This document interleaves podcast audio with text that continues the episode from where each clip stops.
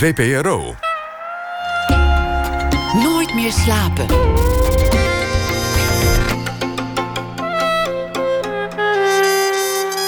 Met Liesbeth Staats. Goedenacht en welkom bij Nooit meer slapen. Straks na ene brengen we een nieuwe aflevering van Naakt op een kleedje. Een serie waarin de vrouwelijke kunstenaar centraal staat. Deze keer gaat het over Luchito Hurtado, die vorige week 99 jaar is geworden. En pas twee jaar terug, toen ze 97 was, werd ze ontdekt door kunsthistorici. En komend uur is de gast Claes Iversen, modeontwerper met Deense wortels, die dit jaar een nieuwe weg inslaat. Naast zijn haute couture, die, hij onder andere, die onder andere graag gedragen wordt door koningin Maxima, richt hij zich nu ook op home couture, het ontwerpen van interieurs. Iversen ontwierp wandkleden voor Hotel Mercier in Amsterdam. En, primeur, hij exposeert eind deze maand voor het eerst met zijn eigen schilderijen. Ondertussen wacht ook de presentatie van de nieuwe couture-collectie in januari. Drukke maanden dus. Ook al omdat een nieuw hotel in de hoofdstad al 81 van zijn schilderijen besteld heeft. Klees Iversen werd in 1977 geboren in Denemarken en kwam na zijn gymnasiumdiploma naar Nederland voor een tussenjaar. Hij werkte vijf jaar als boekhouder voordat hij zich aanmeldde bij de Kunstacademie in Den Haag. Betoverend, ambachtelijk en ongelooflijk veel oog voor detail, schrijven critici over zijn ontwerpen. Welkom, Klees. Dankjewel. Een expositie met je eigen werk. Dat vind je ook spannend, las ik. Omdat je dan uh, denkt aan kunstcritici die dan zeggen: Oh, een ontwerper die ook moet gaan schilderen. Hoe zit, hoe zit dat? Ja, nou ja, zoals je het uitlegt, ja, ik vind dat wel heel spannend. Uh, ik, ik, vergelijk het heel erg met, met mijn eigen beroep als modeontwerper. Als, als uh, mensen uit eigen, andere hoeken opeens uh, een collectie op, op, op de markt wil brengen. Ja. Dat kan mij nog wel eens irriteren, een beetje. Oh, ja? dus, um, oh, je herkent dat uh, sentiment? Ja, ja. Ik bedoel, um, ik heb hard gewerkt om, om, om modeontwerper te worden. Ik heb een opleiding gevolgd. Um, en nou ja, nu wil ik ook niet heel zuur overkomen of wat dan ook. Maar dat kan me wel soms mm -hmm. een beetje irriteren dat mensen uit een andere hoek dan opeens zeggen van nou, nu ben ik modeontwerper. Uh, uh, en, en dan ook nog met succes in, in lijn kan neerzetten. Ja. Misschien is het ook een stuk jaloezie. Ja. Maar goed, daar ben ik dus een beetje bang voor, ook ja. met, met, met de kunst. Of daar ben ik benieuwd naar van ja. hoe gaan mensen daarop reageren? Van nou ja, je doet al mode of daar ben je door bekend. En dan probeer je dat te gebruiken om nu iets te doen in de kunst. Maar um, waar het mij om gaat is dat het, ja, het, het, heeft allemaal met, met elkaar te maken. En schilderen is trouwens iets wat, uh, wat ik sinds ja, kinds af doe. Uh, maar door mijn carrière ja. de laatste 10, 15 jaar ja. heel weinig heb gedaan. gedaan. Ja. En hoe kwam het dat je nu opeens weer terug bij dat schilderen was? Waarom is dat weer zo belangrijk geworden? Oh ja, een lange reis geweest. Um, uh, ik, heb, ik heb keuzes gemaakt in mijn carrière en ik heb dingen uitgeprobeerd. Um, onder andere uh, heb ik uh, zeven seizoenen lang heb ik in een zogenaamde ready-to-wear, een confectielijn ja, gehad. Ja, ja. ja. wat ik helaas op een gegeven moment ja, moesten stoppen. Door meerdere redenen. Maar van, voornamelijk dat we konden gewoon niet genoeg volume maken. Um, en dat was een soort tegenslag voor mij. Of ja, mm. dan moet je toch wel. Uh, dan, dan moet je jezelf in de ogen kijken en, en, en, en constateren van nou. Um, dit is mij niet gelukt. Uh, dus ja, dan heb je met falen te maken mm. en teleurstelling, nou, noem maar op. En toen ben ik heel erg gaan zoeken uh, bij mezelf van ja, wat wil ik nou allemaal? En eigenlijk zat ik op dat moment echt in een fase dat ik mijn werk helemaal niet meer leuk vond. Um, en kwam dat door dat volume wat je moest maken? Dus dat het werk van ontwerpen opeens een heel ander karakter had gekregen? Ja, in, ja meerdere dingen. Uh, uh, zeg maar, die, die pret-à-porter of ready-to-wear wereld is gewoon keiharde business. Je moet heel hard schakelen of heel snel schakelen. Um, en daar komt gewoon een enorm hoeveelheid administratie bij. Uh, dingen die helemaal niet over creativiteit gaan. Mm -hmm. um, er gaat over sales, er gaat over marketing, er gaat over nou, klantenservice. Uh, ja. nou, noem maar op, allemaal dingen um, ja. die ik wel besef, ja, dat hoort erbij. Maar um, als je dan niet heel goed verkoopt, nee. dan is het ook wel wat minder interessant of ja. zo, op een of andere manier. En jij uh, bent boekhouder geweest? Dat zat wel goed, denk ik. Ja, nou ja. eh, Mensen vinden dat altijd wel heel leuk om, om daarbij te noemen, omdat het natuurlijk zo'n soort tegenstelling Ja. is met, eh, met, met modeontwerpen. Maar er, is, er heeft wel echt, in- zijn realiteit is het wel een beetje een toeval geweest. Hè? Van, ik was twintig toen ik hier kwam en het was bedoeld als een jaar tussenuit. En, Je eh, wilde gewoon een baantje. ik zocht gewoon een baantje. En eh, nou ja, ik sla de krant open en eh, zag, nou, Ja. native Danish speakers wanted. Nou ja, Maar als de Deense bakker een, een eh, zaterdag hulp had gezocht, dan had, het had ik dat misschien ook gedaan. Ja. Dus dat het was echt, dit had niks te, te maken met carrière of ambitie of wat dan ook. Dat was gewoon, eh, ja, even geld verdienen. Ja. Eh, en, en in e- eerste instantie bedoeld als een jaartje. En dat werd dan twee, dat werd dan drie. En, Nou ja, uiteindelijk vijf jaar. Ja. Ja. En wie, eh, wie of wat zorgde ervoor dat je toen naar de modeacademie ging? Of naar de kunstacademie? Nou ja, ik zat natuurlijk wel die, die, die, dat ene jaar wat vijf werd, zat nog steeds in mijn achterhoofd van, nou, ik, ik ga op een gegeven moment weer Nederland verlaten en dan ga ik terug naar Denemarken maken om, om, om, om mode te s- studeren. Ehm, maar op, op dat moment eh, zat ik in een relatie. En eh, eh, mijn toe- toenmalige vriend zei dan tegen mij: van, die zag gewoon dat ik gewoon doodongelukkig was. Elke dag heen en weer rijden naar. Eh, op dat moment zat ik, zat ik bij een bedrijf in Almere.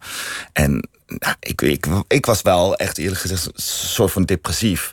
En eh, hij zei van, is het niet tijd dat je echt die droom achteraan gaat? Van, ja, weet je, dit- Doe het. ja, Ja. durf het te doen. En, ehm, en toen dacht ik van ja, die heeft gelijk. En dan heb ik echt de knop omgezet en eh, serieus werk ervan gemaakt. Van nou, waar ga ik, ja, waar ga ik studeren? Hoe ga ik dat doen? En, ehm, en ehm, had een artikel gelezen over, eh, over in, eh, in ontwerper uit eh, eh, of in een ontwerper die had gestudeerd in, eh, den, eh, in Den Haag. Eh, Erik Frenke, die trouwens eh, zijn eigen label heeft tegenwoordig. Ehm, en die had een prijs gewonnen of zo. En ik, dat werk, ik vond het gewoon fantastisch wat hij had gedaan. En ik dacht van, nou, dan ga ik maar naar Den Haag. Even kijken hoe, hoe dat zit daar op de academie. En De ik, werd, ik, werd, ik, werd, ik werd gelijk aangenomen. Ik hoefde geen toelating te doen. Dus dat was echt, eh, Wat goed. dat was echt het begin van, van, van, ja, van een nieuwe wereld. Ja. En 2018, 2019, dynamisch jaar geweest. Je stopte met de Ready to Wear. Maar er zijn ook leuke dingen gebeurd. Je hebt de, eh, de, de uniformen, de werkkleding... van het personeel van de Nationale Opera en Ballet ontworpen. Ja, ja, enorme eer. Ja, Ja. ja. En, en eh, geïnspireerd op de smoking, donkerblauw en zwart in eh, heel stijlvol, heel elegant. En eh, nou, iedereen die de jassen aanneemt en in de horeca werkt, draagt nu jouw ontwerpen. Hoe was het om dat te doen voor, voor dat publiek?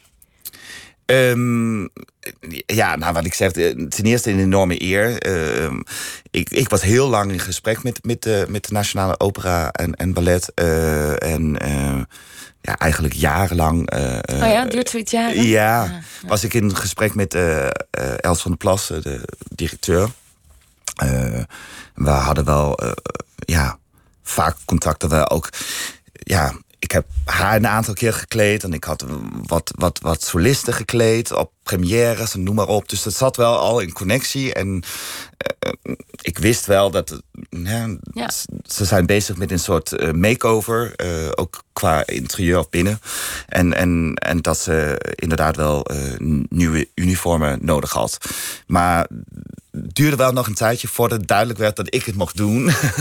dus ze waren daar achter de coulissen wel eh, langer mee bezig. Ja. En intern, ja, wat daar is gebeurd, dat weet ik niet. Maar in ieder geval op een gegeven moment, eh, eh, ja, dan mocht ik dus, of Ja. dan kreeg ik bericht dat ik dat mocht ontwerpen. En eh, ja, ik, ik kijk gewoon heel erg tegenop de Nationale Opera en Ballet. Ik bedoel, het is gewoon een, eh, een creatief instituut, echt op de ho- allerhoogste niveau. Ik bedoel, in de hele wereld is, is de Nederlandse opera en ballet bekend.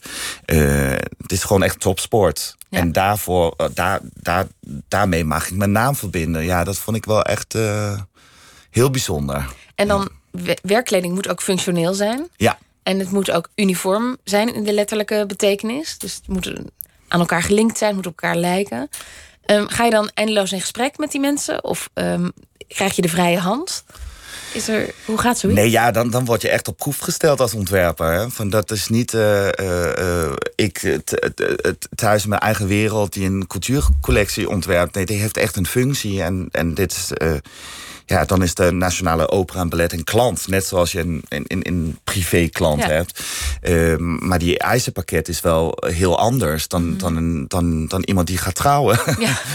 Moet dus, lang uh, meegaan, moet meer dan één keer ja, worden. Ja, ja. Nou, nou, functionaliteit is natuurlijk echt zeer belangrijk. Maar eh, onder andere ben ik ook in gesprek gegaan met, met, met personeel. Mhm. Eh, uiteraard de directie ook. ik, ik, heb gepraat met, met de architect, met de interieurarchitect. Oh, ja. Oh, dus ja, de hele vooronderzoek was wel ehm, ja, heel belangrijk. En, en het is wel echt een proces. En, uh, en uniform is altijd lastig. Van, je weet op het moment dat je daarmee begint, dan weet je ook gewoon van ja, niet iedereen zal dit mooi vinden. Daar moet je gewoon van uitgaan. In, ja, je kan niet iedereen tevreden stellen. En je hebt het met, je hebt met verschillende lichamen te maken. Uh, verschillende soort smaken. Uh, nou, noem maar op. Maar toch moet je proberen mee te nemen in, in, in, ja in het ontwerpproces. En heb je ook nog uh, onderscheid gemaakt uh, dat bijvoorbeeld de mensen die aan de deur staan andere kleren aan hebben dan de mensen die achter de bar staan, of de mensen die in de zaal lopen andere kleding dragen? Um, daar waren vanuit de directie wel bepaalde eisen. Dat je ja, ja. bepaalde dingen um, ja, dat je moest zien dat mensen verschillende functies hadden. Ja. Um, maar we hebben ook wel samen gekeken naar. Um, ja, dat is dan wel heel specifiek. Maar dat je probeert een pakket samen te stellen. Wat, um, waardoor je niet te veel onderdelen hebt. Nee. He, dus nee. dat, uh, je moet het niet te compliceerd maken. Dat heeft ook met geld te maken. Ja. Uh, dus dat, je moet heel veel dingen overwegen. Maar in, ik zag in dat een proces. foto en daar zag ik heel, heel veel verschillende soorten ontwerpen. Ja, nou ja, uiteindelijk... Um, um, nou, de mensen aan de deur, bijvoorbeeld, wat ja. je noemde... De, um, dat is gewoon een jas die ze dragen ja. over uh, de uniform die je ziet. en daar is... Uh, uh, nou, daar is wel een onderscheid in of je achter de balie zit aan kaarten verkopen, of dat je ja. mensen binnenlaten en, en hun, hun kaart uh, of ja. hun, hun stoel moet toe, toewijzen. Ja. Um, en de managers hebben dan ja, ook, dat was ook wel een van de eisen van de managers, moesten ook wel, ja, die zijn dus in het zwart, die, oh, ja. die moest onderscheidend uitzien. Ja. Dus, uh, Nou, en van uh, het personeel van de Nationale Opera en Ballet, um, Ilse de Lange heb je gekleed toen zij meedeed aan het Songfestival in 2014, was dat ja. Ja. En twee weken terug nog liep koningin Maxima in India op staatsbezoek um, in jouw donkerrode broekpak, jumpsuit. Ja. ja. Het is ontzettend divers. Ja. En uh, toch voelde je de behoefte om je ook uit te drukken in interieur. Ja. Interieurs te gaan ja. ontwerpen. Ja. Je hebt wandkleden gemaakt voor een hotel. Uh, ligt dat ook dicht bij het ontwerpen van kleding? Zoals voor jou schilderen en ontwerpen dicht bij elkaar ligt? Ja, ja ik, ik, ik, ik ik zeg ook heel vaak, dan, dan, dan, of dan heb ik een interview met een blad of wat dan ook. En dan zeggen ze couturier. Zeg ik, nee, ik wil heel graag ontwerper genoemd willen worden. En dan wel modeontwerper. Mm -hmm. Maar ik, ik zie mezelf wel echt als een ontwerper. En ik ontwerp in product. Um, ook, ook tijdens mijn periode op de academie. Daar werd soms wel een beetje uh, moeilijk over gedaan. Uh, ze willen graag dat je wat vrijer bent in, in je ontwerpproces. Maar ik zie er wel, ik ontwerp in jurk of in broek. Of in, het is een product. Mm -hmm. um, en tegelijkertijd wil ik me ook niet zelf beperken daarin. En dus een nieuwe uitdaging, dat vind ik alleen maar leuk. Uh, net zoals uniformen. En wat ik zei, dan ben je ook op proef gesteld als ontwerper.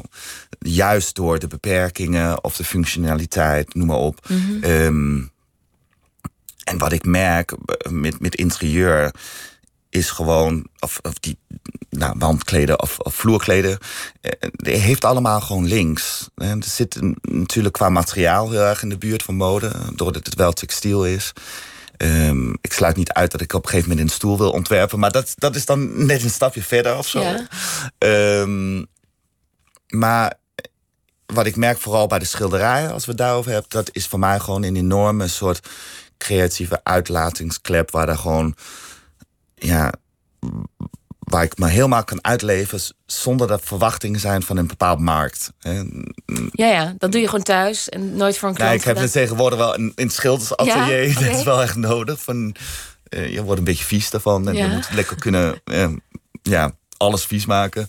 Uh, maar wat ik dan merkte door dit schilderen bijvoorbeeld, is doordat, doordat ik zo'n enorme creatieve vrijheid heb, dan voegt het heel erg toe in die andere dingen wat ik doe. Mhm. Dus ik kom op ideeën daardoor. En uh, of het is, heeft te maken met kleuren of uh, designs of vormen of I don't know.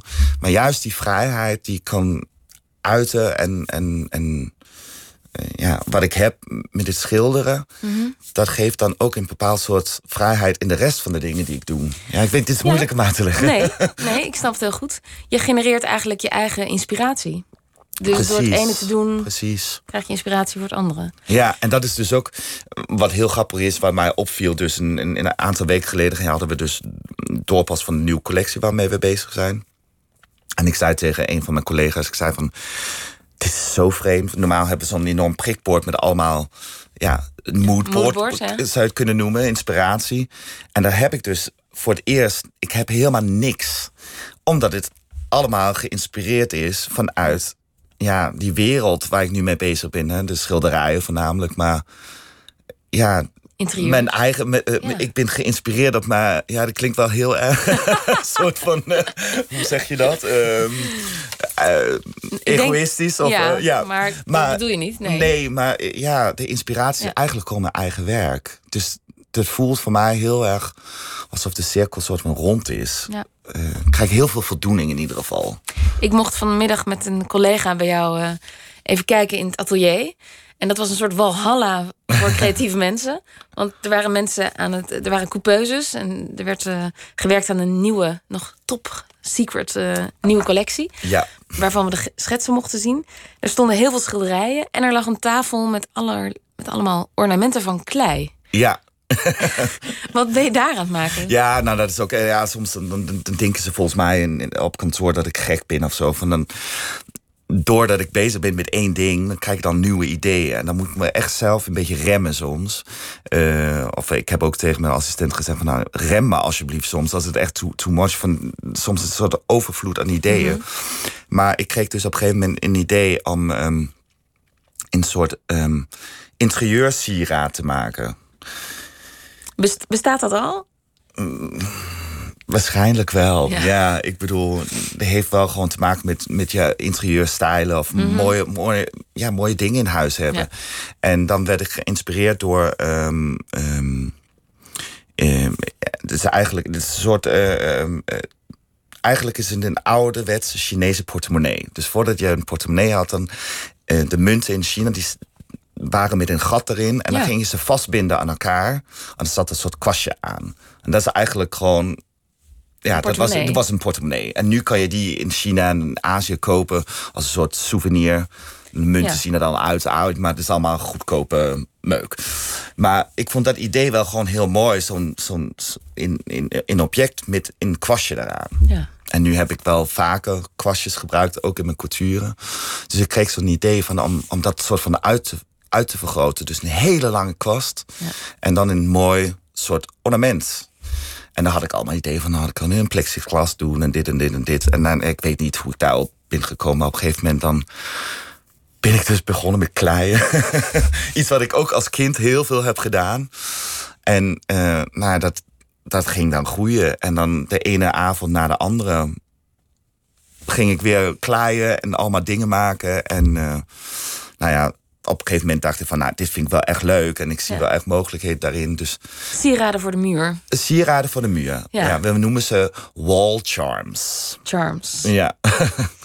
En, die, uh, en, en, ga je die verkopen of wordt dat ook een soort exclusieve collectie of een, alleen een tentoonstelling? Nee, de, de bedoeling is natuurlijk wel uh, dat, er, ja, ja, dat er ook iets commercieels in zit. Maar dit zit wel heel erg in de kinderschoenen van ik ben het nu allemaal zelf aan het doen. En ik heb ook wel echt een soort van massaproductie gemaakt, uh, maar gewoon meer als soort test. Uh, maar ja, ik ben nog aan het uitzoeken van, nou, willen we het laten produceren of moet het juist handmatig worden gemaakt? Hè? Net zoals de couture. Ja. Eh, ja, dat heeft natuurlijk uiteindelijk ook iets met de prijs te maken. Maar ehm, dat ambachtelijk is wel heel belangrijk voor mij. Dus eh, Liefst doe je het allemaal met de hand. ja, en allemaal zelf. ja. En eh, dan moet je wel een nieuw atelier erbij. Ja. Een schildersatelier, coutureatelier en een kleiatelier. Ja. Ehm, je bent jezelf dus aan het verbreden ja. dit jaar, dit jaar. Is dat ook een beetje het lot of het strategisch wat een ontwerper in Nederland moet doen? Ehm, omdat couture en pret-à-porter, dat is niet genoeg. Of daar, daar is in Nederland gewoon niet een markt voor. Is dat de conclusie? Ja, ik weet het niet. Eh, eh, ehm, voor mij is in ieder geval, ehm, nou ja, ongeveer een jaar geleden of zo heb ik me gerealiseerd van het pad die ik, eh, die ik voor me had bedacht toen, toen voordat ik überhaupt ook naar de modeacademie ging. Eh, hè, je wordt modeontwerper en eh, of je gaat voor iemand werken of Ja. je zet je eigen label neer. En ik dacht altijd van ik wil een modehuis neerzetten, een internationaal modehuis. En dan ga ik nog schoenen doen en tassen en noem maar op. Heel erg een soort van traditioneel eh, eh, beeld van hoe, hoe die wereld in elkaar Ja. zit. Ehm, ik heb me dus wel gerealiseerd de laatste jaren van dat die pad of die weg die ik had bedacht, ja, die ziet er toch wel uiteindelijk anders uit. Ehm, en daar had ik me niet kunnen voorstellen, denk ik, vijf jaar geleden, dat ik dit zou doen wat ik nu doe. Maar ik heb nog nooit zoveel voldoening gehad in mijn, in, mijn, in mijn werk zoals ik nu heb. Dus dit is wel echt voor mij ook een verrassing. Maar ik, dat heeft ook wel te maken met dat de hele modebranche nou ja, na de crisis, of tijdens en na de crisis, gewoon ja, heel erg is. ja, dit is gewoon echt veranderd. En niks is zoals het vroeger was meer. Dus ehm, Want toen jij afstudeerde en je eigen label begon, dat was 2008. Dat was ook meteen het begin van de crisis. ja, En eh, ketens als Primark en, en dat soort winkels, die, die, kwamen, die kwamen op. ja, En dat was ook wel een hele moeilijke tijd om te beginnen, lijkt me. ja, nou ja, eh, kijk, ik was natuurlijk net afgestudeerd en eh, nou, een beetje misschien te optimistisch. Of, nou ja, ik had Nou, er wel gewoon je- echt heel zin in. En, eh, Over, over eh, twee maanden heb je weer een nieuwe collectie. Ik was, dus- ik was klaar om de wereld te veroveren. Hè, maar wel met de gedachte van de oude systeem. Van, nou, zo gaat dat. En inderdaad, en tegelijkertijd dan zie je dan dat... ehm, dat eh, ketens zoals Primark en nou, andere labels die ik niet zou noemen... maar die zitten onderaan in, in het segment... Mhm. dat ze heel erg aan het, ja, aan het groeien zijn... en alles aan het overnemen. Eh, een broek tegelijkertijd... voor een tientje en een t-shirt Ja. voor 3 euro. Ja. En tegelijkertijd heb je het hele internet ook, wat een veel belangrijke rol gaat spelen. Ehm, en eh, de hoge segment wordt heel belangrijk. Hè? Dus mensen gaan echt gewoon, dat statussymbool is heel belangrijk. Van ik draag dit label en dat betekent zoveel. Van daar heeft die sterren ook aan. En wat gebeurt, gebeurt er tegelijkertijd? Alles wat ertussen zit, dat middensegment, sterft gewoon uit. En ehm, dus dan heb je alleen maar laag en hoog. En dat verandert ook wel de, de manier waarop de consument omgaat met kleren. Op een gegeven moment. hè. En dan merk je dan wel heel erg nu dan, ja, mode is een soort wegwerpartikel geworden. En dat is iets, ja, daar ben ik niet mee opgegroeid. Voel me gelijk ook zo oud. Maar ja, eh, Die, die waarde, eh, de, de waarde aan kleding is, is heel erg veranderd. Of het is een statussymbool, of het is een wegwerpartikel. Ehm, En daartussenin zit helemaal niets meer, of althans steeds minder. steeds minder. Van, daar zijn natuurlijk wel liefhebbers. En daar zijn wel echt ook gelukkig wel een, een, een fanbasis. Hè? Mensen die echt kunnen waarderen ja, wat, ja. wat, wat ik of andere ontwerpers doen.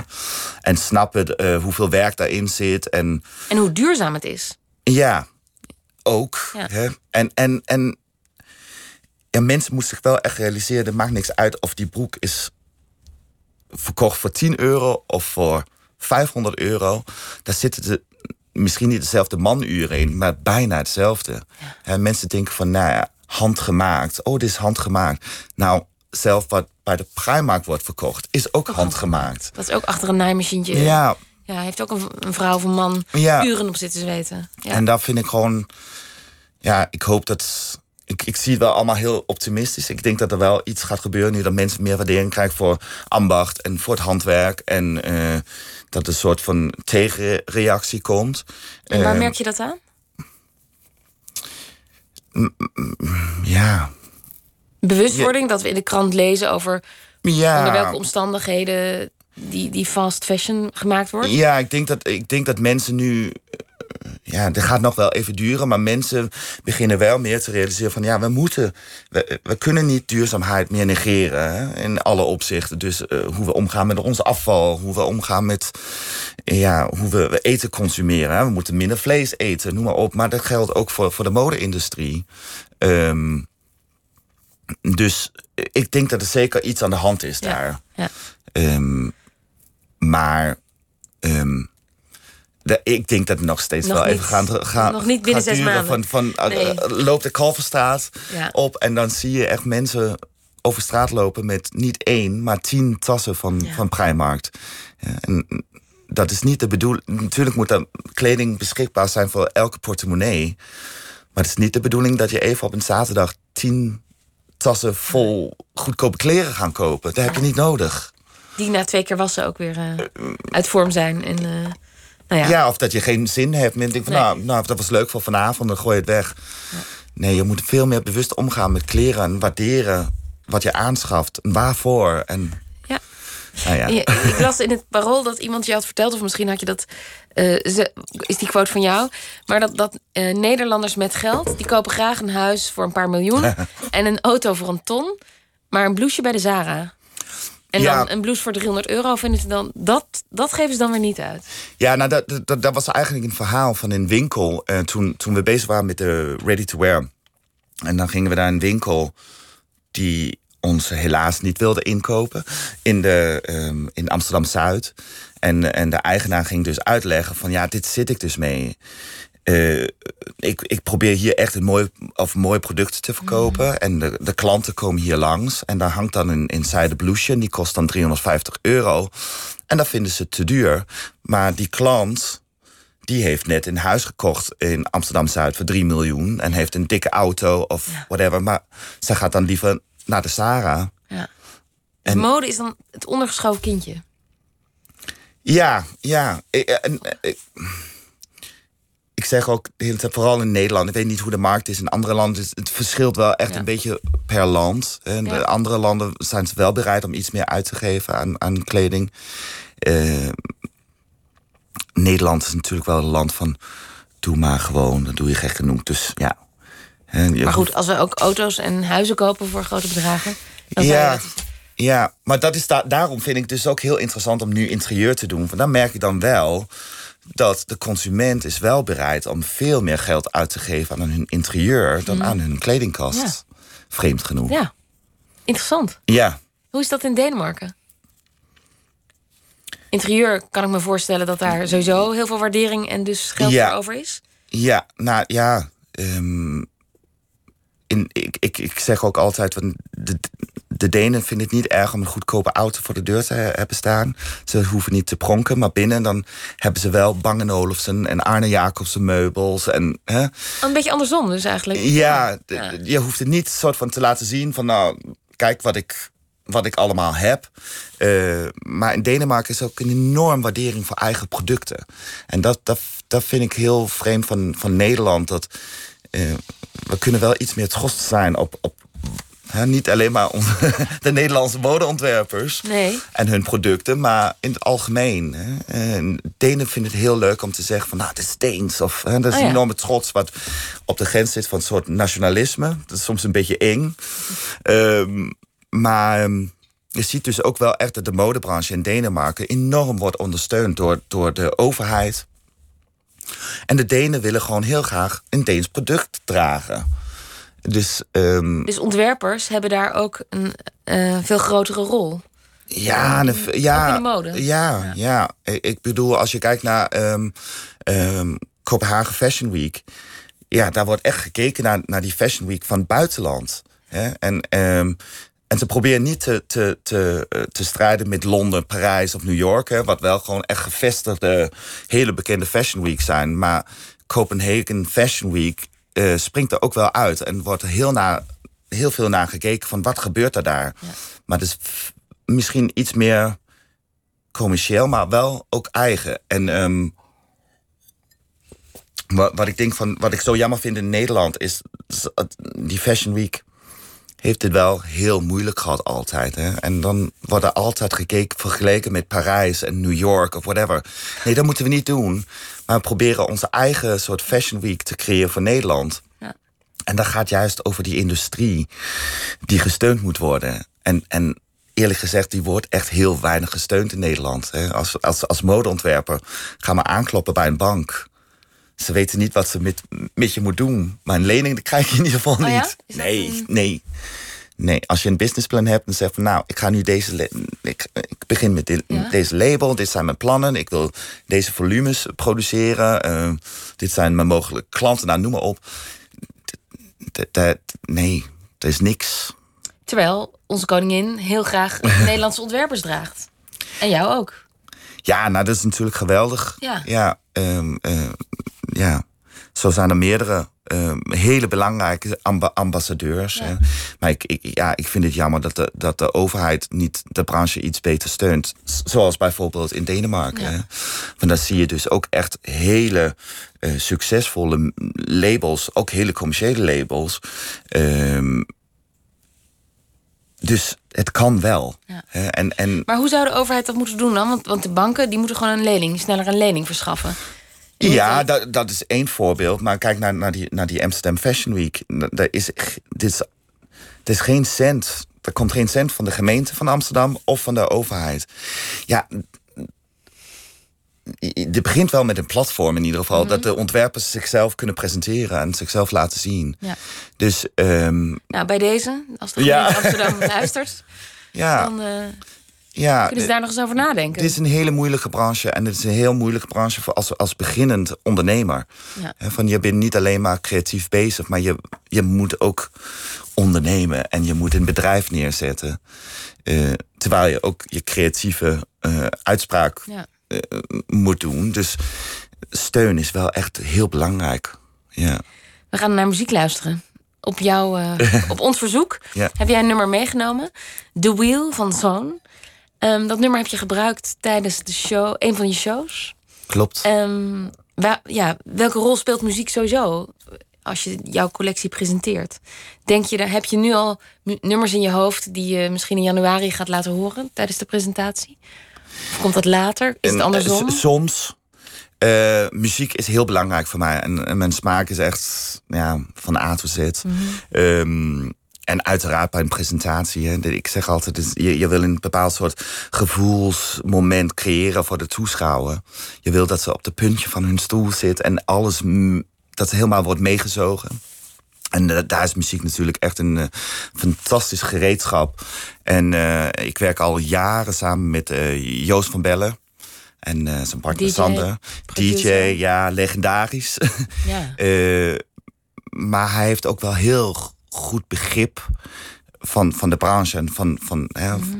hoe het is als modeontwerper om iets te willen uitdrukken. En die is ook een enorme liefhebber. Eh, en, en dat proces samen met hem om, om die muziek samen te stellen voor een show, dit is echt een reis op zich. Eh, soms een gevecht, wat nodig is. Eh, maar ik zeg ook elke keer na zo'n show, dan stuur ik hem altijd een bericht. Zeg, oh, ik had weer kippenvel. Dan alles valt zo op zijn plek. En dat, dat, dat is zo fantastisch om te zien hoe mensen uit verschillende disciplines samen kunnen werken om, om, om iets neer te zetten. Ehm, nou, en, en deze lied, dat, dat, dat was iets eh, eh, wat, nou ja, in zo'n proces stellen ze heel veel dingen voor. Ik vertel alles over de collectie, noem maar op. En soms dan heb ik dan zelf een liedje of iets in gedachten. Eh, dit, dit zat in een selectie die ze hadden gemaakt. En ik hoorde deze lied en ik had gelijk zoiets van... Dit wordt hem. Dit wordt hem gewoon. Dan gaan we er naar luisteren. The Wheel van Zoon. I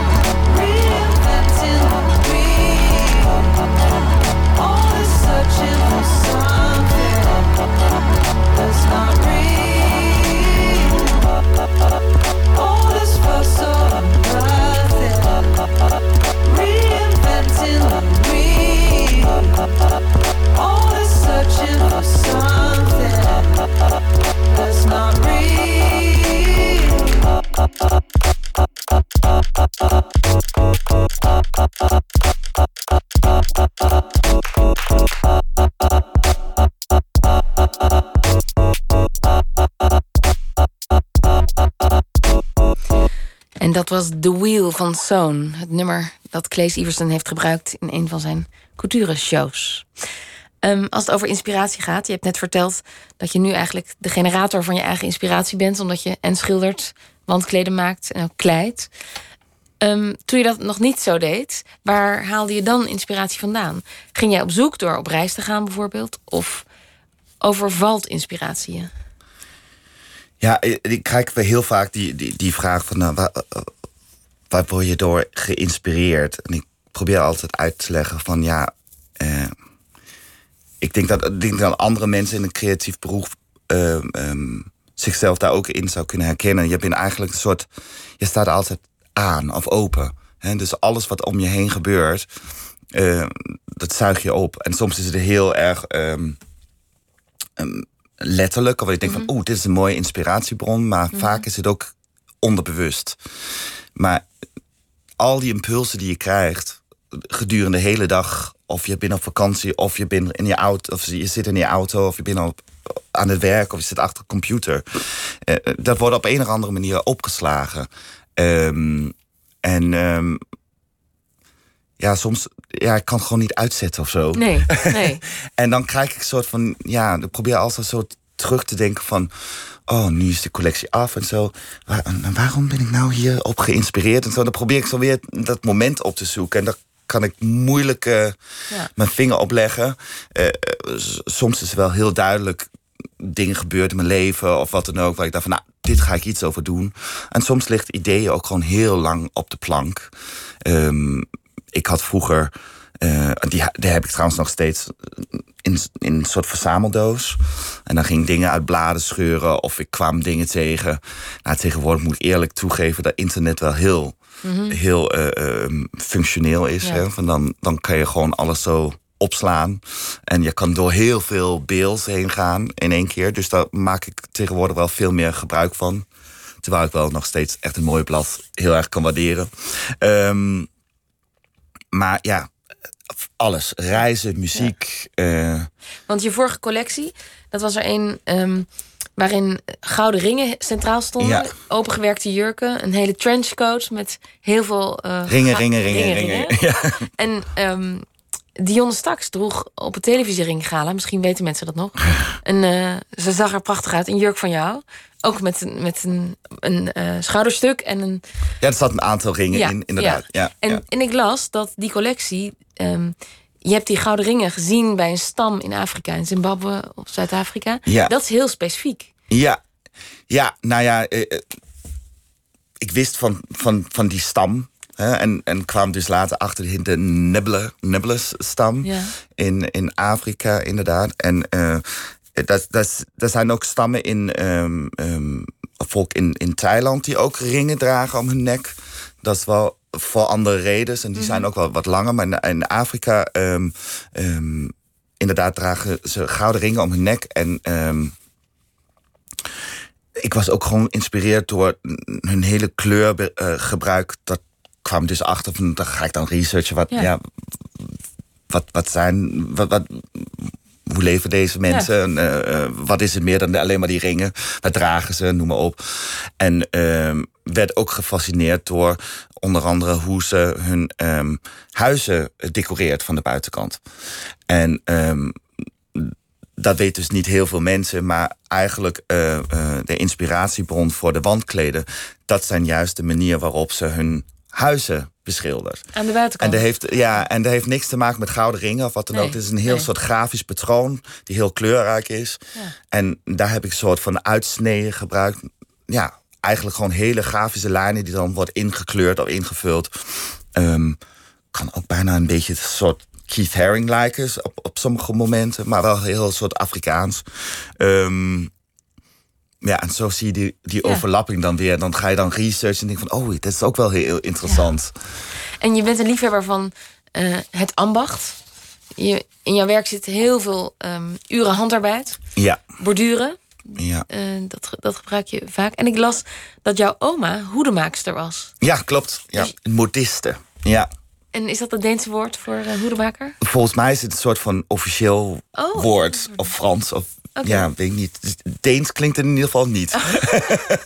Maar maar de, eh, nee. Een modiste, ja. Ehm, We nou ja, het, ja. Maar dat was dan voor, voordat ik haar heb gekend. Het was voordat ze kinderen kreeg. was ze inder- inderdaad hoede, hoedemaakster.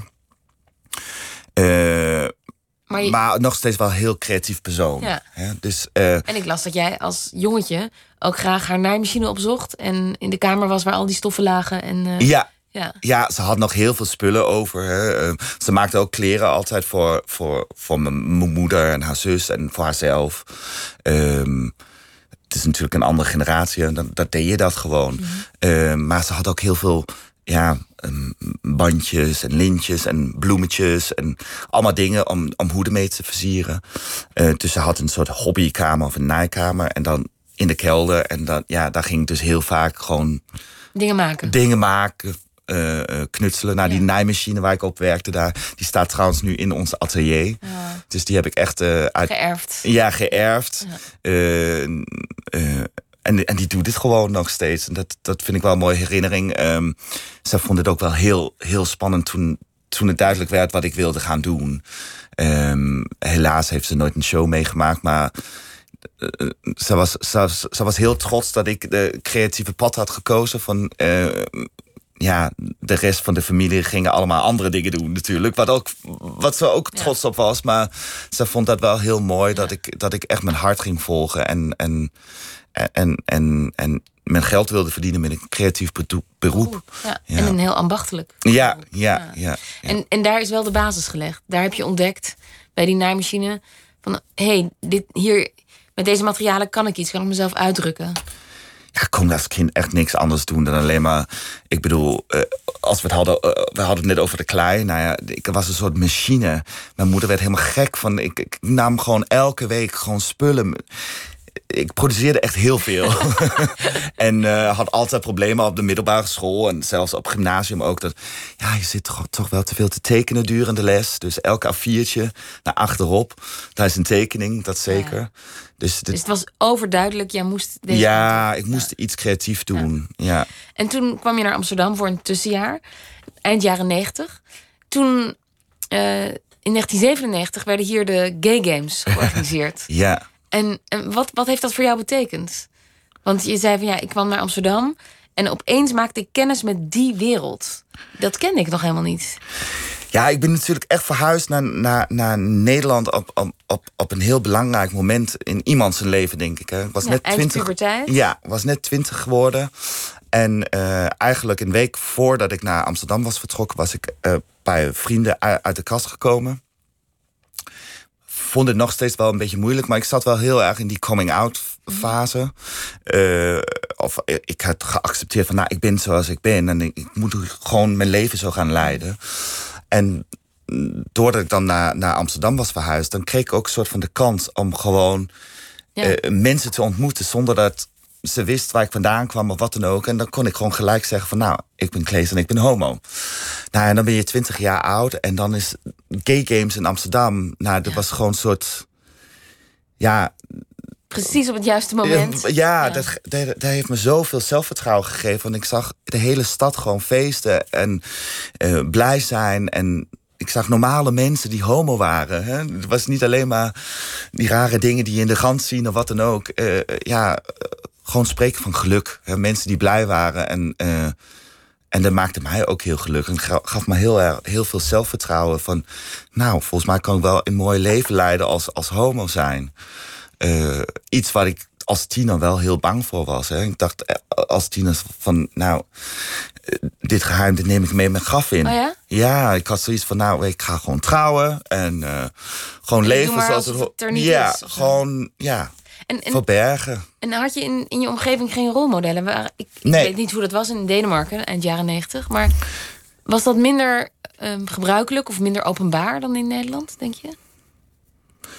Nou, ik bedoel, de- Denemarken is natuurlijk ook een heel liberaal land. Ja. En ehm, ik denk dat het gewoon te maken had met dat, dat het niet in mijn omgeving zat. Ik, ik kende niemand. Nee. Er was Ook wel één? Er was één jongen en, en, en, en daar werd er wel over geroddeld. Dat die, ja, die is homo. Nou ja, dat gaf me niet echt. Uh, nee, maar geen leraren of nee, mensen nee, die. Uh, nee, nee, nee. En dit was echt iets, ik durfde het met niemand te bespreken. Maar dat heeft ook met leeftijd te maken. Van op een mm. gegeven moment, nou, ja, die laatste periode op het gymnasium, um, ja, werd ik ook volwassen volwassener en ik had vriendschappen en, en, en durfde op een gegeven moment tegen sommige vrienden te zeggen: van, nou, ik loop rond met deze gevoelens. Ja. En de ene positieve reactie naar de andere, eh, dat heeft ook wel meegewerkt dat, dat je op een gegeven moment denkt van nou, ik ga wel wat meer mensen dat vertellen. Dat vertellen. En uiteindelijk moet je natuurlijk je familie dat vertellen. Uh, maar wat, wat ook gewoon helemaal geen. Uh, ik heb geen trauma over. Dat is fijn. Ja, nee, ik, ik had eigenlijk achteraf zoiets van. Oh jee, had ik, had ik dit maar gewoon eerder verteld. Ja. Um, van ja, ik liep daar wel gewoon helemaal alleen mee rond. En dan als tiener ook nog. Waar, waar, waar alles van alles en nog wat. Dan voel je ook nog speelt. Ja, ja, ja, ja. En toen kwam je in Amsterdam en toen dacht je de gay games, het is hier altijd zo. nee, nee, nee. Nee, ik snapte wel dat... Nee, nee maar goed, de, het heeft wel voor jou... Een, op een cruciaal punt in je leven iets heel goeds betekend. Ja, ja, ja. Nee, zeker. Ja, ik vond ja. En heb je die blijheid kunnen houden, dat zelfvertrouwen? Ja, ja, wel wat betreft mijn seksualiteit heb ik nooit, nog nooit zoiets gehad van. Uh, ik vind het lastig. Of? Ik vind het lastig. Nee, nee. Wat ik zeg van, nee, ik, ik, ik, zou hopen, en dat zie ik wel ook, dat het een tendens is nu dat jongeren uh, eerder uit de kast komen. Uh, op zijn 17e of 15e. Of uh, dat ze het veel makkelijker, dat ze voelt dat ze gewoon gelijk aan hun ouders kunnen vertellen. Mijn ouders heeft me niet veroordeeld en, en, mm -hmm. en, ik heb er geen probleem mee gehad. Maar ik heb eerlijk gezegd nog nooit het gevoel gehad van, nou, ik ga het wel even bespreken met mijn moeder. Uh, en dan merk ik wel, dat hoor ik wel vaker nu door jongeren, dat ze, dat ze zeggen: Nou, ik heb zo'n goede relatie met mijn ouders. Dat, ja, natuurlijk. Dat, ja.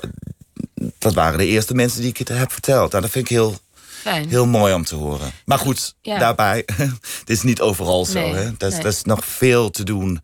En vooral uh, nou ja, in het buitenland, maar ook in Nederland. Hè. Het is natuurlijk nog steeds niet overal geaccepteerd. En tegelijkertijd uh, is er ook nog steeds, en misschien wil weer meer homofoob geweld. Ja, helaas. Ja. ja. En discriminatie. Ja. Hoe, hoe ervaar jij dat in Amsterdam? Want je eind jaren negentig ben je gekomen. En ik ik denk dat ik wel echt mag spreken van geluk. Ik heb wel hier en daar incidenten meegemaakt, maar nog, nog nooit echt nou, geweld. Nou ja, ja ik, ik, heb wel mensen hebben mij in mijn gezicht gespuukt. En, uh, nou, dat vind ik wel geweld hoor.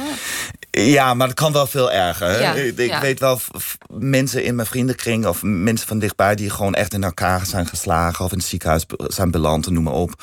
Nou, gelukkig is dat maar niet overkomen. Maar ik vind wel elk, elk jaar met Gay Pride. Uh, het is een enorm leuk feest. En we hebben onwijs naar ons zin. Maar we doen dit wel echt van reden. Ja. en dat, dat mogen we nooit vergeten. En we moeten die Gay Pride blijven vieren. Want het is gewoon nog steeds niet geaccepteerd. Nee. En maak je daar zorgen over?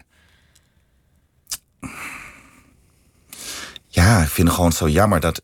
Nu woon ik meer dan 22 jaar in, in, in, in een van de meest liberale landen ter wereld. En dat het nog steeds zo'n issue moet zijn. Ja. Um, en dat het soms lijkt alsof het erger wordt. Ja, dat vind ik wel heel triest. Ik snap niet waar, waar het misgaat dan. Nee. Nee. nee. Terwijl de rolmodellen zijn er uh, nou, meer dan ooit, zou ja, kunnen zeggen. Nee, dat denk ik ook, ja. Precies, aan de ene kant wat ik zeg, de jongeren durven eerder uit de kast te komen. Ja. En aan de andere kant, ja, um, dan neemt er geweld toe en voel, voelen mensen zich nog, nog onveiliger op straat. Ja. Um, hand in hand gaat over, lopen over straat. Ja, ik doe dat niet zo snel. Dan moet ik wel even kijken ja? waar ik ben. En op welke tijdstip en in welke buurt. En ja, dat vind ik gewoon jammer. Dat, dat zou gewoon echt moeten kunnen. Dat moet totaal kunnen. Ja. En, en dat, dat, dat is toch totaal niet liberaal? Alles wat je net zegt, nee. zo'n liberaal land. In Amsterdam. Ja. ja. Alles behalve. Dus uh, ja, persoonlijk, uh, we moeten daar blijven voor vechten. En uh, ja, ja zo'n dag zoals Gay Pride, dat is één van de dagen. Maar Belangrijker dan ooit. Ja, dus ja. ik ben ook heel open en eerlijk over wie ik ben. Omdat ik vind ja. gewoon van ja, dat moet kunnen. Ja. Ehm, eind van deze maand komt er de expositie met schilderijen. Wat voor soort tentoonstelling wordt het? Nou, ik noem het de Dit is expo. radio. dit, dit is radio, dus we hebben geen eh, schilderijen hier voor de webcam. Maar eh, wat maak je? Wat gaan we zien? Nou, ehm, eh, heel veel verschillende dingen. Ik heb me echt ook de vrijheid genomen om veel kanten op te gaan, experimenteren. Wat ik ook zei, gewoon die totale vrijheid nemen, eh, creatieve vrijheid nemen. Eh, maar je zal wel zeker in link zien met, eh, met mijn vak als modeontwerper. Dus er zitten ook wel veel schilderijen waar er overheen geborduurd zijn. Dus ik Oké. wel echt gewoon gebruik gemaakt van de ambacht ehm, die we gebruiken voor de kleding. Maar dit is ook echt een mengeling van ehm, verschillende media's. Dus ik heb ook veel ge- ge- gebruik gemaakt van foto's die dan verwerkt zijn in schilderijen. Weer overheen geschilderd. Is het een collage? Ook sommige zijn collages. eh, eh, en ja, veel te maken met kleurcompositie. En, en, en wat heel grappig is om te zien, als ik dan op een gegeven moment had ik heel veel geschilderd en dan kijk ik zo overheen en dan zie ik gewoon zo'n lijn in mijn kleurgebruik. Maar dan sla je een van mijn lookbooks open van mijn, van mijn collecties en dan zie je eigenlijk precies hetzelfde. En dat is allemaal volledig onbewust ge- gebeurd, ja. Dus. ehm, nou ja, wat ik zei, je ziet verschillende richtingen. en sommige dingen zijn echt geborduurd. het is Eh, abstract. Alles is abstract. eh, ja, behalve als er dan... Daar zijn foto's in verwerkt die wel heel duidelijk... eh, ja, ik wil niet te veel vertellen daarover. Oké. Er moet natuurlijk een presentatiemoment En komen. kunnen, of er we, komt en kunnen we komen kijken? Of is het. eh, Nee, zeker. Ja, dat, dat wordt natuurlijk wel eh, de, meerdere dagen. En, en sommige dagen zijn dan wel echt voor genodigden. Ehm, eh, dus de pers moet zijn moment hebben. De, de Mhm. Ja. echte belangrijke kunstliefhebbers. Eh, ehm, maar zeker, ja... de- de- Iedereen die geïnteresseerd zijn en, en, en, en benieuwd zijn, die, die, die kunnen komen kijken. In Amsterdam, in de Jordaan. En op jouw Ja. website staat vast. eh, Ja, of is. Instagram, whatever. De, komt nog allemaal. De, de Ja. uitnodigingen zijn nog niet uitgestuurd. Dus eh, ik, ik, ik, ik wil niet te veel Te veel zeggen. Maar eh, eind, eind november inderdaad. Ja. Laatste weekend van november. Nog één laatste vraag. En, en eh, dat vond ik zo'n leuke blik van een buitenstaander op Nederland. Ooit in een van je eerste, eerste nou ja, begincollecties heb je de Nederlandse klaagcultuur in een ontwerp verwerkt. Kun je je nog herinneren? ik las een heel oud artikel waarin je zei: eh, het was april en ik hoorde Nederlanders klagen over de regen. Oh ja, ja, ja, ja, ja. Um, dit, het is heel grappig dat je zegt van dat, dat liedje die we hebben gehoord. Ja. Dat komt van die collectie. Nou, dat ging over. Ja, altijd over die regen en klagen. En eh, ik moest een zomercollectie ontwerpen. En Ja. dan dacht ik van ja. En dat heeft dan ook weer met mijn oma te maken. hè. Weer heel gelaagd.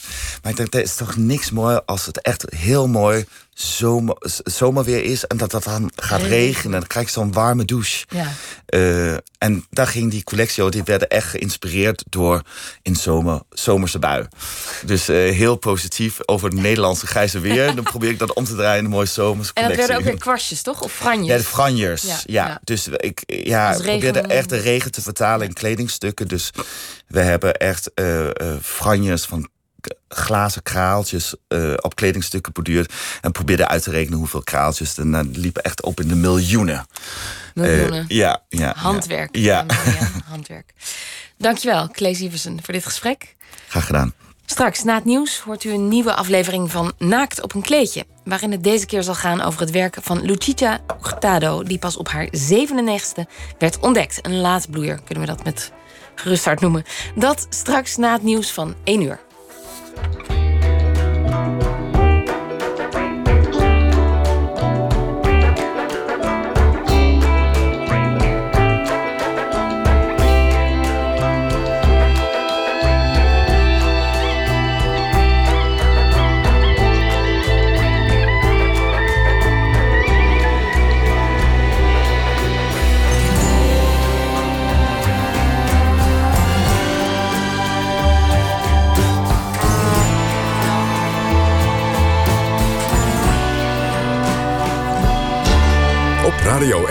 VPRO.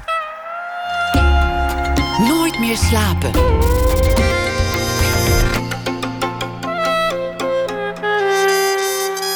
Met Liesbeth Staats. Welkom terug bij Nooit meer slapen. Vrouwen in de kunst krijgen vaker aandacht als onderwerp dan dat ze als kunstenaar in musea vertegenwoordigd zijn.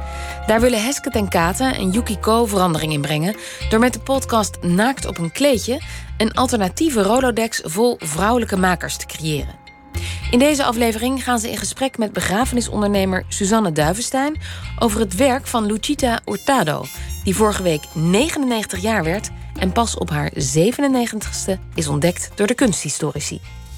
Het eerste wat je ziet is een rode appel, niet te missen. Hij is vanaf de bovenkant geschilderd, het steeltje in het hart. Je zou er met een passer een strakke cirkel omheen kunnen trekken. Achter de appel is een blauw-wit zigzagpatroon geschilderd. Een grafisch vloerkleed, een duur design. Ondanks dat dit schilderij eigenlijk maar uit drie onderdelen bestaat, is het behoorlijk ingewikkeld. En dat komt door het perspectief. De appel als een rode schijf van bovenaf, het psychedelische patroon en een naakte vrouw. Het duurt even voor je haar beige goudgele lijf ziet. Het lijkt meer op een woestijnlandschap, doordat haar borst met tepel omhoog steekt. Vlak daarachter een zachte buik met een diepe navel en nog een kleine hint van een dijbeen dat begint. Geen hoofd, sleutelbeen, arm of heup. Als ik recht voor het schilderij ga staan, is het of mijn hoofd haar hoofd is. Zoals je je eigen lichaam ziet als je in bad ligt onder een deken van schuim en begint met schilderen vanaf je borsten die boven het schuim uitsteken. En als ik door mijn wimpers kijk, wordt de rode appel een ondergaande zon. Het blauw-witte patroon zijn wolken op een winderige dag en haar zachte lijf is het zand dat nagloeit van een warme zomerdag. There have always been women who are artists, but it was men who wrote the history books. Somehow they just forgot to mention that.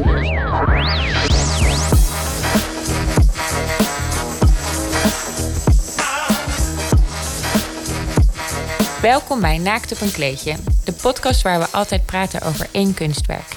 Ik ben Heske ten Katen. En ik ben Yukiko. En ik zit vandaag tegenover begrafenisondernemer Suzanne Duivenstein. Met wie we gaan praten over het werk Untitled uit 1971 van Lucita Hurtado. Suzanne, jij hebt een kunstenaar uitgekozen die morgen 99 jaar wordt. Is dat als begrafenisondernemer een statement om gewoon een extreem oude kunstenaar uit te kiezen? Ja, nou wel een beetje ja. Want ik, uh, zij is ontdekt. Gewoon echt een paar jaar geleden. Uh, volgens mij was ze 96. En zij wordt dus nu uh, 99 inderdaad. En dat is een leeftijd waar wij in de westerse cultuur doorgaans over denken als dat iemand gewoon klaar is, op is en uh, afgeserveerd wordt daardoor maatschappelijk. En zij is dus ontdekt. En nou ja, dat is zo'n uh, ontdekking geweest dat zij uh, sindsdien een paar solo tentoonstellingen heeft gehad in New York. En nu net is er eentje afgesloten in Serpentine Gallery in Londen. Dus zij is uh, op haar 99 gewoon echt de shit. nee, maar dat is waar. Ze is gewoon helemaal de shit. Want ze is opeens overal. En dat op je bijna 99ste. Dat is wel echt ja. fantastisch. En je zei het net al eventjes van... Uh, ja, normaal, uh, of normaal in het Westen vinden we vaak... als je ouder bent, dan ben je afgeserveerd. Daar wil ik heel graag zo verder over hebben. Ja. Over ja, het, het einde van het leven en hoe ja. we daar naar kijken. Maar ik denk ook dat het goed is om eerst even te vertellen wie jij bent. Mm -hmm. uh, jij hebt zelf ook al een bijzondere band met uh, het einde van het leven. En niet per se op oude leeftijd, maar in alle fases met de dood. Uh, je bent namelijk begrafenisondernemer. En ook nog zoveel meer, daar kom ik zo op. Want sinds wij jou online volgen, hebben we eigenlijk heel veel geleerd over de misstanden in de uitvaartwereld. En dan vooral bij die van de grote ketens. Die je allemaal misschien wel van die uitvaartverzekering van je oma kent. uh, over kisten die met hele hoge marges worden doorverkocht. Begeleiders die op hun horloge kijken als hun dienst iets uitloopt. Ik krijg daar gewoon nu letterlijk kippenvel van. En dan hebben we het nog niet eens over de droge plakken cake. Jij laat heel duidelijk zien hoe het anders kan. Niet alleen tijdens de uitvaart, maar ook online. Je blogt heel openlijk over de dood. Je plaatste je eigen uitvaartplaylist op Spotify. En je bent ook heel actief op Instagram. En laat ons daar heel erg zien hoe het echt anders kan. Van milieuvriendelijk begraven tot het maken van je eigen doodskleed om in je graf te dragen. Naast je werk als, ik noem je nu maar even death influencer, um, ben je ook curator dood bij Mediamatic. Een Amsterdamse experimentele kunstinstelling. Waar je workshops geeft samen met kunstenaars. Om zo op allerlei manieren het taboe dat op de dood rust, of eigenlijk het praten daarover, te doorbreken. Voor deze nieuwe carrière werkte je bij een grote bank en was je ook bestuurder bij Slow Food. En nog steeds ben je volgens mij hartstikke actief op het gebied van duurzaamheid. Dit jaar stond je ook in de Duurzame Jonge Top 100, een lijst van jonge talenten die zich hard maken voor een betere wereld. Dus, uh, dus dat. Wauw, wat een intro. Ik zal hem je sturen. hey, veel mensen vinden de dood best wel eng. En jij wil dat juist doorbreken, toegankelijker maken. Waar, waar komt die fascinatie vandaan?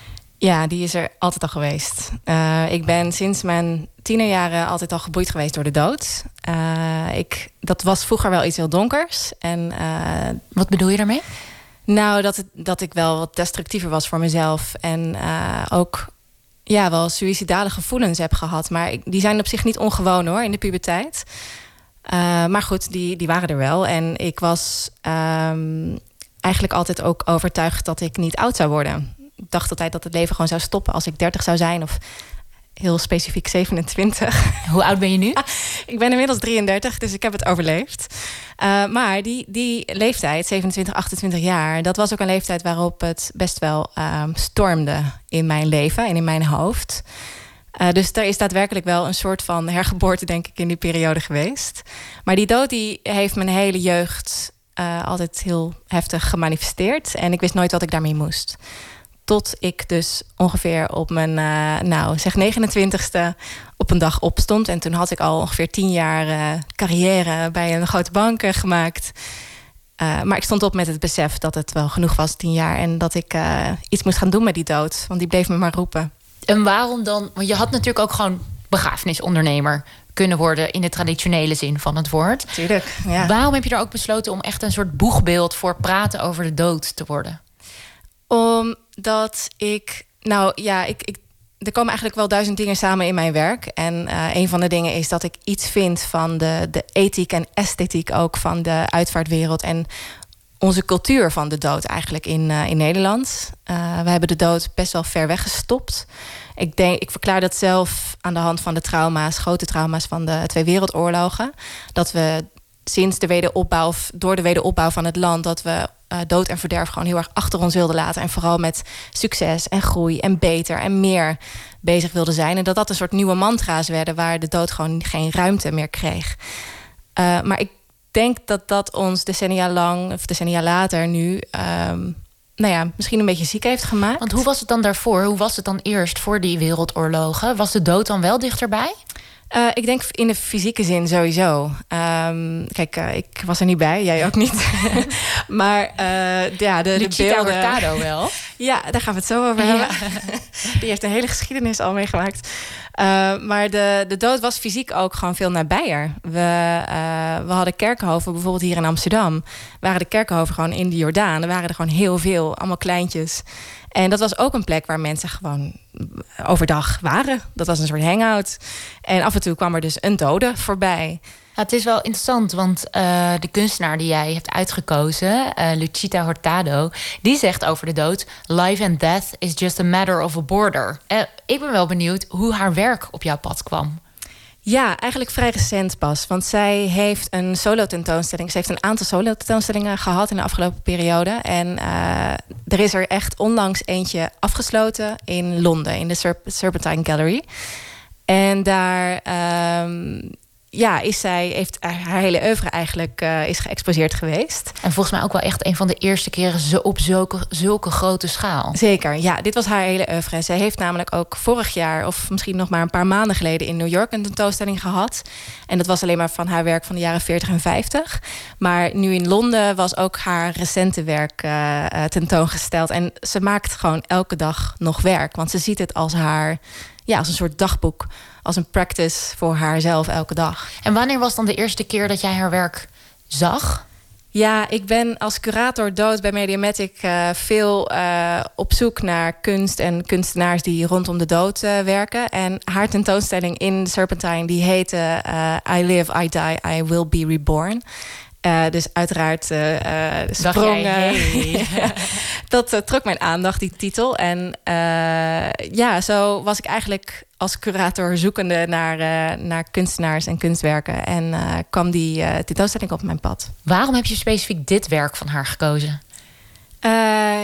ja, ik vond het een heel aansprekend werk, omdat het een perspectief is dat ik elke dag zie. als ik naar beneden kijk en ik, kijk en ik loop naakt door, door mijn huis. dan is dit mijn, mijn beeld. Ehm, dus het voelde zo dichtbij en zo intiem. Dus je kruipt eigenlijk ook heel erg ja, in haar op een manier. Um, en wat ik er ook heel mooi aan vind, is dat het iets magisch uh, heeft. Het is een hele alledaagse voorstelling, een appel op een kleed of zo. Maar ja, tegelijk dat een appel voor haar voeten op een kleed ligt, is ook weer niet alledaags. Um, dus ja, er zit iets mysterieus in. Deze serie, uh, tenminste deze portret, zelfportretten, die, die komen uit de jaren zeventig. Uh, en dit was ook een soort van uh, keerpunt in haar werk. Want daarvoor was ze ook veel abstracter aan het, aan het schilderen. Schilder, schilderen was wel altijd een beetje haar medium. Maar ze is vanaf dit punt is ze echt meer een magisch realist geworden. Ik denk dat het goed is om haar even te introduceren. Een korte bio over haar leven. Luchita Hurtado werd geboren op 28 oktober 1920 in Venezuela. En inderdaad, ja, dat maakt haar inmiddels 99 jaar oud. Al sinds 1940 is ze actief als kunstenaar, maar altijd in de luwte. Beroemd worden hoefde van haar niet zo nodig. Schilderen is voor haar een manier om zich te uiten, niet om roem mee te vergaren. Dat zijn haar vrienden al. Door de hoge leeftijd heeft ze bijna de hele moderne kunstgeschiedenis meegemaakt. Ze ontmoette de hoofdrolspelers. Van Pablo Picasso tot Frida Kahlo, van Isamu Noguchi tot Marcel Duchamp. In haar ruim 70-jarige carrière heeft ze zelf ook heel veel verschillende stijlen beoefend. Van hyperrealistisch tot hallucinerende beelden van Moeder Aarde. Toen kunsthistorici een paar jaar geleden het werk van haar overleden man, de kunstenaar Lee Mulligan, kwamen bekijken, werd haar werk ontdekt. En zo kreeg ze op 98-jarige leeftijd een eerste solo-tentoonstelling bij de Serpentine in Londen, waardoor het grote publiek haar leert kennen. Je zei het net al, de titel van haar laatste, of laatste en eerste grote solo-tentoonstelling was I Live, I Die, I Will Be Reborn. Of I Will Reborn. Mhm. Eh, hoe kijk jij aan tegen leven na de dood? Ja, dat is uiteraard nog een groot raadsel. um, maar ik, ik krijg heel veel rust van het idee dat wij. Um, nou ja, we, we, maken deel uit van deze planeet en we zijn sterrenstof. Uh, en ik krijg heel veel rust van het idee dat wij gewoon weer voortleven in nieuw leven. In de fysieke zin, als wij onszelf uh, op een manier zouden begraven die uh, met de natuur meewerkt. Maar uh, ook in de spirituele zin dat wij. Ik, ik krijg heel veel inspiratie van het idee dat wij straks bomen worden, bijvoorbeeld. En uh, ja, ik zou. En hoe zie je dat dan voor je? Hoe, hoe, hoe word ik na mijn dood een boom? Nou, ik geloof in wedergeboorte en, uh, en reïncarnatie. ja, from dust to dust en ash to ash. Gewoon voortleven. Maar eigenlijk maakt dan Hurtado ook ergens een. Ja, bijna een letterlijke verbeelding van, van hoe je naar het leven kijkt. Je ziet in haar werk ook heel veel bomen. Je ziet uh, weer mensen geboren worden. Uh, ze heeft op haar, op haar 98 een hele serie over geboorte ja. gemaakt. Dat vind ik ook zo boeiend dat zij nu in deze levensfase met geboorte, dat dat haar thema is nu. Uh, het is ook in de loop van haar leven veel activistischer, ecologisch activistischer geworden. Uh, ik denk dat zij in de jaren 40 en 50 en later in de jaren 70 dat zij veel meer met haarzelf bezig was. Het wordt ook in perspectief nu wordt die periode van de jaren 70 bijvoorbeeld I Am genoemd, van haar serie van haar werken van destijds. Uh, dus dat was denk ik veel meer zelfonderzoek en ook haar vrouw zijn en moeder zijn wel. Maar dat zij echt met die ecologie en het activisme bezig is, dat is van de laatste jaren. Uh, en dat is ook wat bij mij heel erg, uh, aans wat mij heel erg aanspreekt. Uh, ja, zij kijkt er ook als ik haar interviews zie, hoor en lees. Dan zit zij zo vol leven en zoveel vol vuur over de planeet. En dat is ook ontstaan bij haar op een jonge leeftijd. Dat zij de eerste in haar jeugd, zij is in 1920 geboren. Dat zij in haar jeugd de eerste beelden zag van, van de aarde. Vanuit vanuit de ruimte. Vanuit de ruimte gemaakt, ja. En um, zij noemt in een van de interviews dat zij het zien van die beelden gaf bij haar een soort gevoel uh, dat ze een enorme zorg voor die planeet had. Net zoals ze dat voor haar kinderen zou hebben. En uh, die zorg, die, uh, ja, die uit zich eigenlijk in deze fase van haar werk wel heel sterk dat ze zich ook heel erg zorgen maakt. Ja, want zij noemt zichzelf ook niet uh, een burger of een, gewoon een mens, maar zij noemt zichzelf een planetarian. Een, ja, een, een, een planeetvrouw. Een aardling. Een aardling. Een aardling, ja. inderdaad. Ja, ik vind dat ook heel aansprekend. Ik ben heel erg fan van haar geworden in korte tijd. Um, ja, ook omdat er komt gewoon zoveel samen in haar werk en in haar leven. Dat voor mij uh, heel inspirerend is. Want waar kwam bij jou die duurzaamheidsfascinatie vandaan? Ik, uh, ik zou niet een concreet moment kunnen benoemen dat dat opeens in mij aangezet werd. Wel um, ja, heb ik in de loop van de tijd wel steeds meer last gehad van hoe wij als mensen met de planeet omgaan. Uh, eigenlijk doet de, het leed van de planeet me nog meer dan mensenleed, merk ik ook. Dat klinkt heel raar in mijn vak als begrafenisondernemer, want dan ben ik juist met mensenleed natuurlijk bezig. Um, ja, dat ik dat op een andere manier voel dan uh, de pijn die ik echt voel bij de planeet. En dat we daar als een soort gekke parasieten mee, mee omgaan. En wanneer voel je die pijn dan? Is dat als je een bosbrand ziet? Of hoe uitzicht dat? Ja, dagelijks. Bij elke uh, hap eten die ik neem. Dat ik me voel dat ik me moet verantwoorden naar wat voor belasting dat is voor de planeet. Of elke. Ja, ik koop bijvoorbeeld alleen maar tweedehands. Uh, ik koop nooit nieuwe spullen.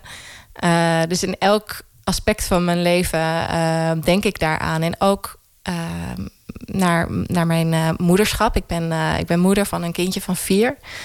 En um, ja, we hebben ook vanwege de planeet echt voor geboortebeperking gekozen. Klinkt natuurlijk waarom echt moet je daar, Waarom moet je daarom lachen? Nou, omdat het natuurlijk... Het klinkt gewoon een beetje raar. Maar wij wilden om heel veel redenen... Wilden we het gewoon echt bij één kindje laten. En um, ook vanwege de planeet, ja. Omdat we voelen dat we nou ja, al te veel van de planeet aan het uh, uh, consumeren zijn. Uh, zie jij het werk van Lucita Hurtado dan ook echt als een advies van hoe te leven? Eigenlijk absoluut niet, nee. Want ik vind haar werk dus helemaal niet normatief. maar er zit een, een spiritualiteit in haar werk...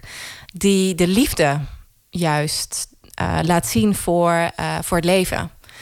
En door die liefde te voelen, ga je, en dat is denk ik diezelfde zorg die zij voelde voor de planeet, toen zij de planeet van veraf zag. Um, dat ja, als je die liefde eenmaal voelt, dan ga je er veel zorgzamer mee om. Ik denk dat ik dat uit haar werk haal. En ik vind het, ja, het, het werk is niet concreet uh, adviserend over hoe, nou ja, we zouden zus of zo. Het is totaal niet normatief. Nee. Is dat dan eigenlijk ook je tweede missie? Laten zien hoe je liefde kan voelen voor de aarde... naast het maken, toegankelijker maken van de dood? Ik probeer het voor mezelf zo klein mogelijk te maken. Ik merk uh, dat ik uh, ook met de jaren wat uh, minder... Ik ben zelf ik ben, ik ben nog even sterk ideologisch...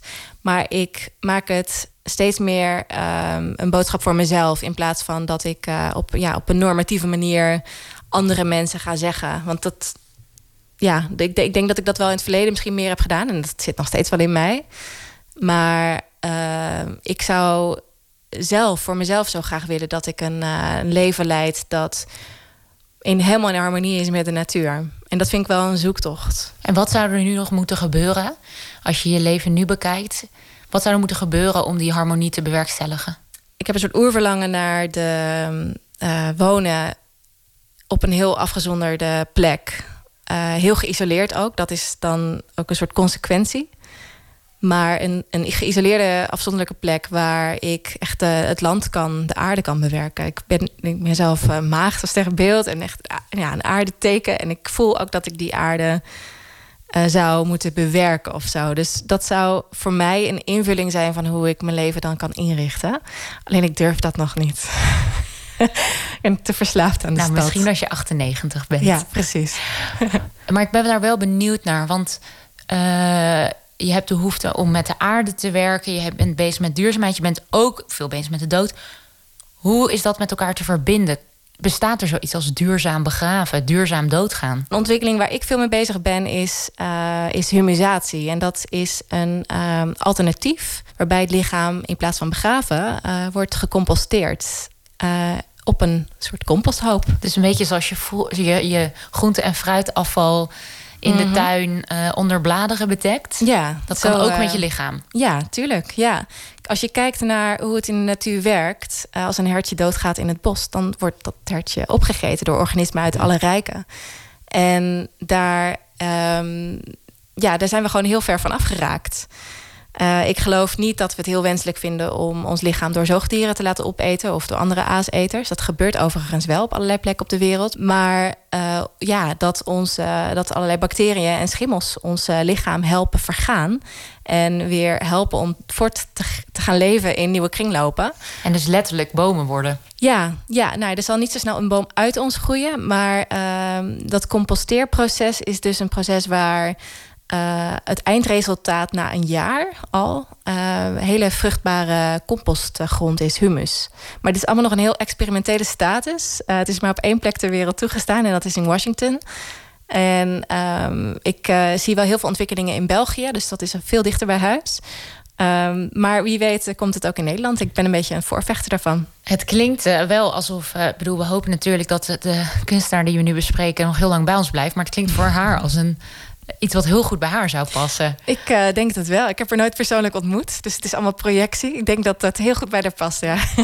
het is grappig, want als ik naar uh, Lucita Hurtado kijk... dan zie ik niet een vrouw van 98. Dan zie ik een vrouw die blaakt van de gezondheid. die ja. Uh, danst, die ja. Nou ja, vol, vol in het leven, leven staat. Ja dat, dat is ook waarom ik echt instant verliefd op haar ben geworden. dat ik ja, zo verliefd werd op haar, uh, haar levenslust. en die is zo inspirerend en aanstekend ook, uh, aanstekelijk. Nee, precies. Die levenslust, dat is ook wel, uh, dat sprak mij ook heel erg aan. En het is ook wel heel erg een contrast, of ze staat daardoor ook heel erg in schril contrast met het stereotype van oude mensen dat we hier hebben. Ja, en ik denk ook dat dat echt iets westers is. Dat wij dus maatschappelijk oude mensen afserveren. En uh, zij draagt uh, enorme lichtheid met zich mee. Dat denk ik te zien bij haar. Ja, ze heeft ook haar shit meegemaakt in haar leven. Ze heeft onder meer een kindje verloren op jonge leeftijd. Uh, en ja, drie keer relaties gehad die volgens mij ook heel heftig zijn geweest. Um, maar zij, ja, zij kijkt op een hele lichte manier naar de dood en het leven. En dat dat eigenlijk misschien hetzelfde is. En hier in het Westen zijn juist, ja, zijn we vanaf eh, misschien wel onze pensioenleeftijd of zo, dan doe je niet meer mee. Uh, dat vind ik, ja, ik vind dat zoiets vreemds dat wij zo naar ouderdom kijken. Terwijl de kans is best wel groot dat wij uh, eh, 100 gaan worden. Dat je dan 30 jaar van je leven, nou ja, soort van aan, aan het randje nog een beetje bungelt of zo. Denk je dat het het leven leuker maakt als je niet bang bent voor de dood? Ja, daar ben ik echt van overtuigd. Ja, en Kijk, wij weten allemaal niet wat de dood uh, is. Maar dat het onze natuur is, is uh, evident.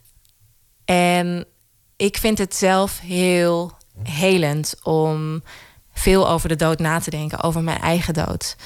En um, zelfs ook, dat heb ik ook vaak genoeg um, gedaan, is nou ja, mezelf confronteren met de dood bijvoorbeeld van, van mijn kindje wat mij dan zou gebeuren als me dat zou overkomen. Wat zou er dan gebeuren?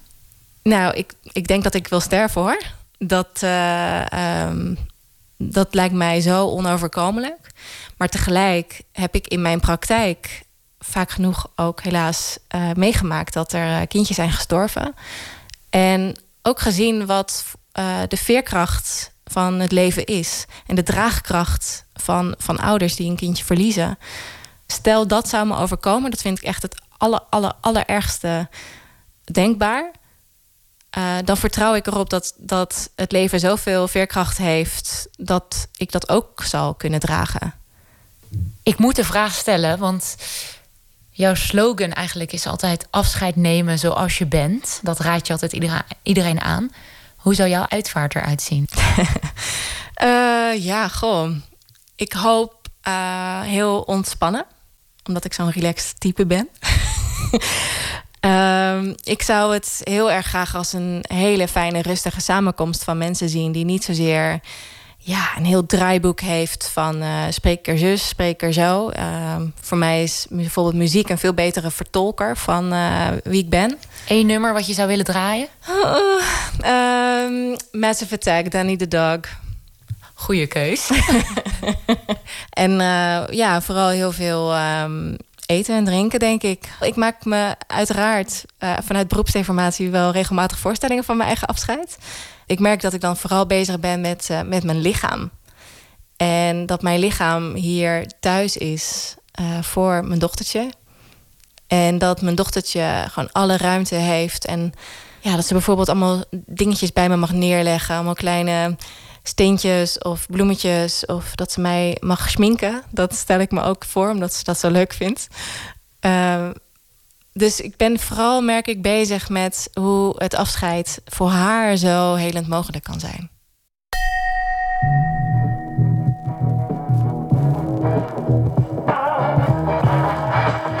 Heel veel dank, Suzanne, voor dit gesprek. Wil je nou meer weten over Lucita Hortado of Suzanne Duivenstein? Volg ons dan op Instagram, naakt op een kleedje. En vond je deze aflevering leuk? Laat dan een review achter op je favoriete podcast-app, want dat helpt ons heel erg. Naakt op een kleedje wordt gemaakt door Yukiko en mijzelf. Ik ben Heske ten Katen. Editing door Misha Melita. Eindredactie door Anne Moraal en Inge Terschuren van VPRO Nooit meer slapen. De leader is gemaakt door Tom Hofland en Gijs Knol. Dankjewel Mondriaan Fonds en Stichting Democratie en Media... voor de financiële ondersteuning van deze podcast. En vergeet je niet te abonneren. Want over twee weken is er weer een volgende aflevering. En binnenkort in Nooit meer slapen dus weer een nieuwe aflevering van Naakt op een kleedje. En dat was het voor deze week. Maandag zijn we weer terug met Nooit meer slapen. Dan gaat Pieter van der Wielen in gesprek met de Vlaamse schrijver Fikri El Azouzi. Naast proza waagt El Azouzi zich ook regelmatig aan theater. Na een succesvolle samenwerking bij de voorstelling Salaam nodigde het Noord-Nederlands toneel El Azouzi en zijn makerscollectief uit voor een vervolg, Dear Winnie. Het is een voorstelling over de kracht van Winnie Mandela. Dat en meer aanstaande maandag. Nu kunt u luisteren naar het hoorspel half uur. En ik wens u een heel goede nacht. Op Radio 1, het nieuws van alle kanten.